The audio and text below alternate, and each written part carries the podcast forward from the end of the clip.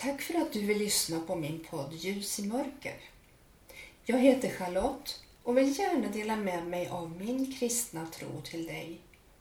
Och idag fortsätter jag att försöka förklara del två av Fader vår. Välkommen!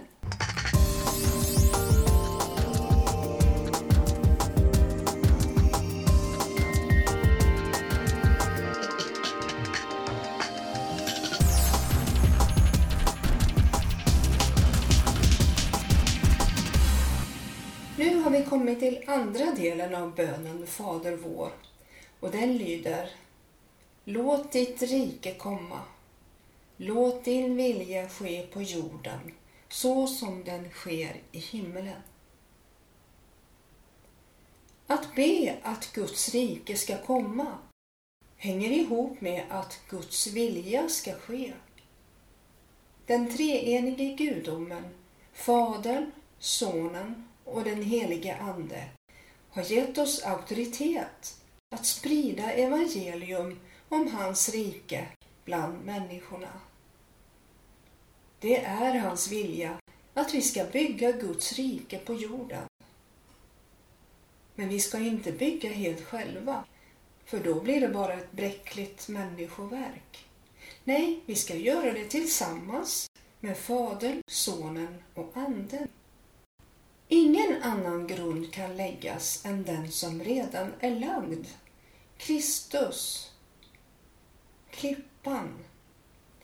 Då kommer byggnaden att bestå. Och det står i första Korinthierbrevet kapitel 11, verserna 11 till och med 15. Ty någon annan grund kan ingen lägga än den som är lagd, Jesus Kristus.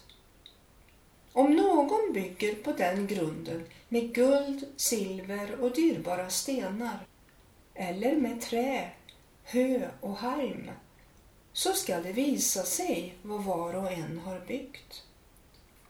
Den dagen kommer att visa det eftersom den uppenbaras i eld och hur vars och ens verk är skall elden pröva. Om det verk någon har byggt består provet skall han få lön. Men om hans verk bränns upp skall han gå miste om lönen. Jesus säger att vi som tagit emot honom själva ska göra samma gärningar som Jesus gjorde när han var hos oss. Bota sjuka, driva ut onda andar, och uppväcka döda.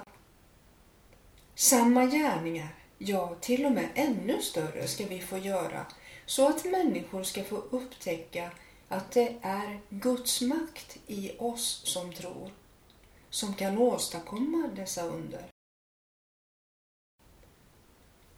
Den största av alla böner är bönen om att Guds vilja ska ske det bad Jesus när han var i den djupaste nöd i Getsemane örtagård.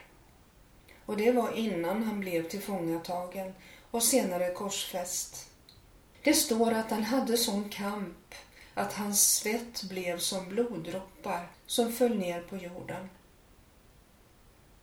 Han visste att hans stund hade kommit då han skulle överlämnas till översteprästerna och de skriftlärda som skulle döma honom till döden och sedan utlämnas till hedningarna.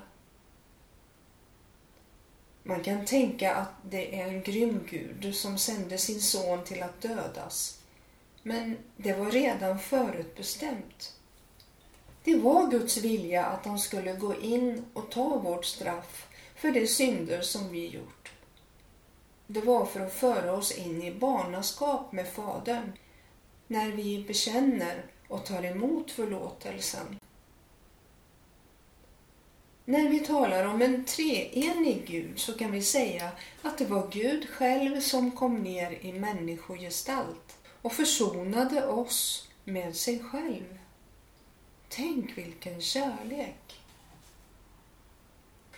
I himlen är det Guds vilja som råder och i psalm 103 i Saltaren står det Herren har ställt sin tron i himlen. Hans konungavälde omfattar allt.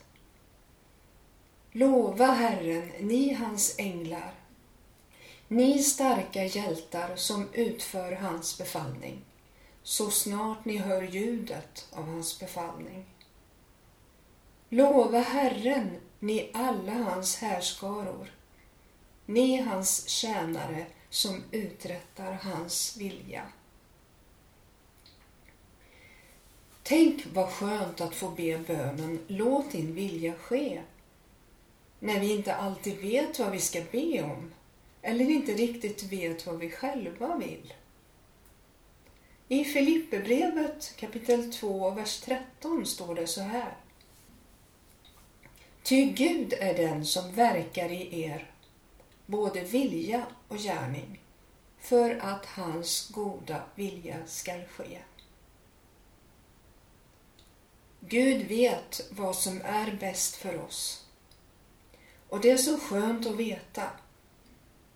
Han ser hela bilden när pusslet är klart. Och han vet vilken pusselbit som måste läggas för att det ska bli i rätt ordning. Jag brukar be så här när jag inte vet vad som är Guds vilja.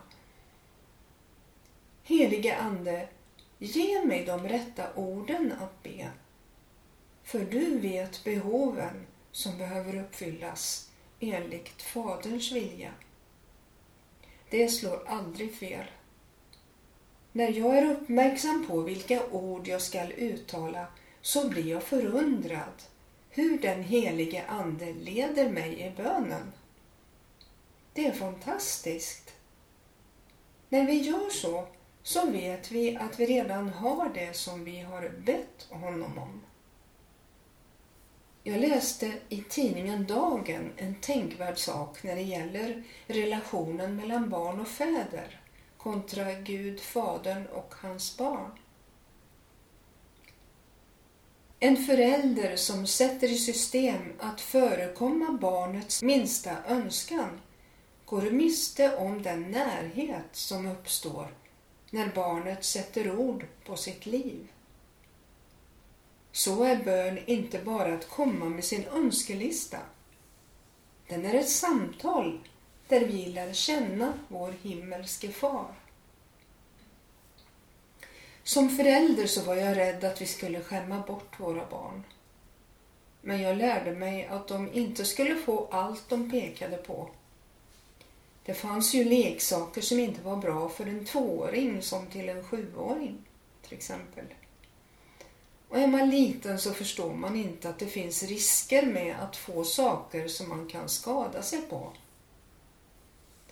Det bästa jag kunde göra var att prata med dem hur dagen hade varit och sen på kvällen läsa en berättelse ur Bibeln och be Gud som haver varje kväll när de skulle sova.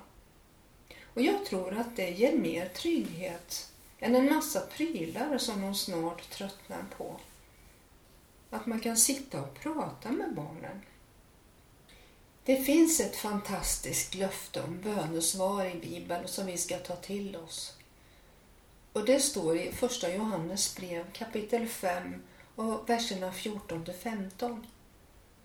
Och detta är den tillit vi har till honom att om vi ber om något efter hans vilja så hör han oss.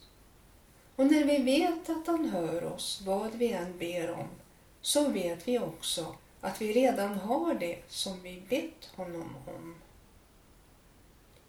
Du hörde väl att jag sa om vi ber om något efter hans vilja? För det är nyckeln. Vår himmelske far vill ha en sån relation med dig och mig. En relation som fördjupas mer och mer för varje bön vi sänder upp. Han vill ha en relation med oss. Han vill vara involverad i allt vi gör och vill hjälpa oss att göra rätt saker i rätt ordning. För hans vilja är den bästa för oss. Det var detta jag ville dela den här gången. Det var inte så långt men nästa gång så ska vi ta upp Vårt dagliga bröd giv oss idag. Eller Ge oss idag vårt bröd för dagen som kommer. Hoppas vi hörs snart igen och Gud välsigne dig.